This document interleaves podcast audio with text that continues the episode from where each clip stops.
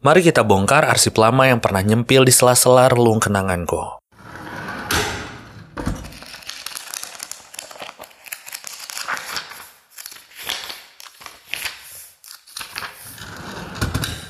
Sebagai alumni dengan gelar akademik keramat, izinkan saya menceritakan satu pengalaman unik tentang rasanya jadi murid pintar dan goblok di waktu yang bersamaan.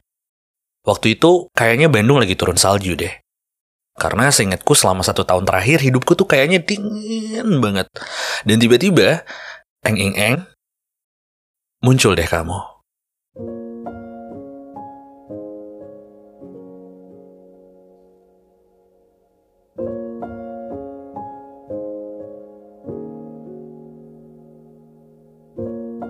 Waktu pertama kali ngeliat kamu, jujur, aku bingung.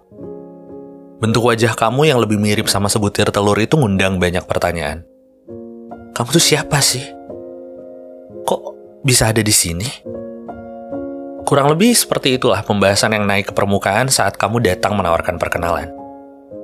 Dengan mimik raut yang cerah, seperti sedang membawa matahari di atas kepala, terang, harum, dan kaya akan rempah-rempah. Ya, aku pikir ya udahlah ya. Gak munafik juga sih. Perawakanmu emang bawa aura sepoi-sepoi yang dirasa cukup bisa neduhin mata-mata pengangguran. Luar biasa loh efeknya. Bombastis. Kayak lagi diajak liburan ke Atlantis. Bikin takjub sekaligus tragis. Kritis, kayak lagi nuntut orang-orang yang berhadapan langsung sama kamu untuk terus-menerus terjebak sama alismu yang simetris, matamu yang presisi, hidung juga mulutmu yang situasinya lumayan krusial. Dan jahanamnya, waktu kamu senyum, sepertinya kamu sudah bersikap kurang ajar. Sampai gak sadar kalau nyali ini sudah terbawa suasana yang ngebuat aku jadi sudi menandatangani formulir pendaftaran. Di semester ini, kamu bawa premis yang cukup manis dosisnya masuk ke dalam kategori jitu saat melumpuhkan akal sehatku. Bersama banyak tema, gaya ungkap, suara, sampai sejarah latar belakangmu yang terdengar sedikit ambigu. Nalarku yang tadinya tumpul, kamu runcingkan hingga tak menyisakan sedikit pun ragu. Terlebih, kamu melampirkan diri sebagai objek penelitian yang luas untuk dipahami.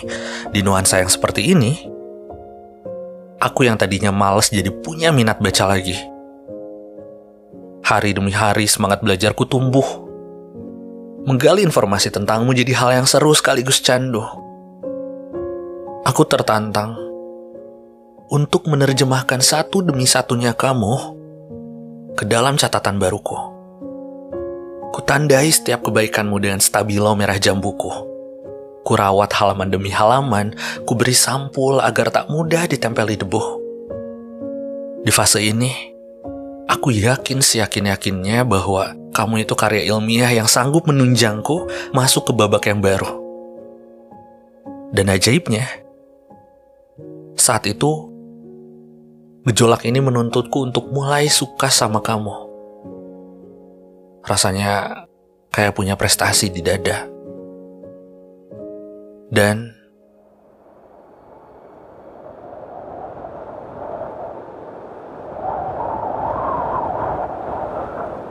cuacanya berubah. Musim semi nggak terlalu begitu setia. Musim gugur terbit tanpa aba-aba. Tahun ajaran baru pun tiba. Kali ini, lingkungan kita jadi penuh sama angkatan baru dan hompim palayung gambreng, sepertinya hatiku kau coreng. Kamu jadi sibuk donorin kurikulum untuk nyambut mereka-mereka. Sialan. Aku cemburu.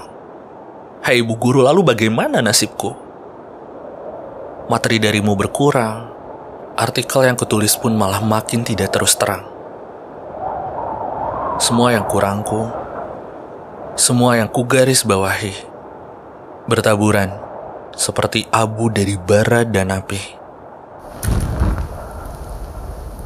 Panas, tapi aku menggigil sakit hati. Tanpa aku sadari, aku jadi korban dari rentetan bagan yang sudah kamu susun. Aku pikir kamu datang dari pelosok, mewakili sosok yang asri dengan keunikannya masing-masing. Ternyata aku salah. Belum selesai aku mempertimbangkan masa depanku di sini. Kau sudah lebih dulu meluluskanku. Oh, jadi ini yang namanya ujian. Ya, aku nggak terima lah. Ini sih nggak lucu. Mana bisa begitu? Waktu aku tanya alasannya kenapa, kau malah menuduhku sukarelawan.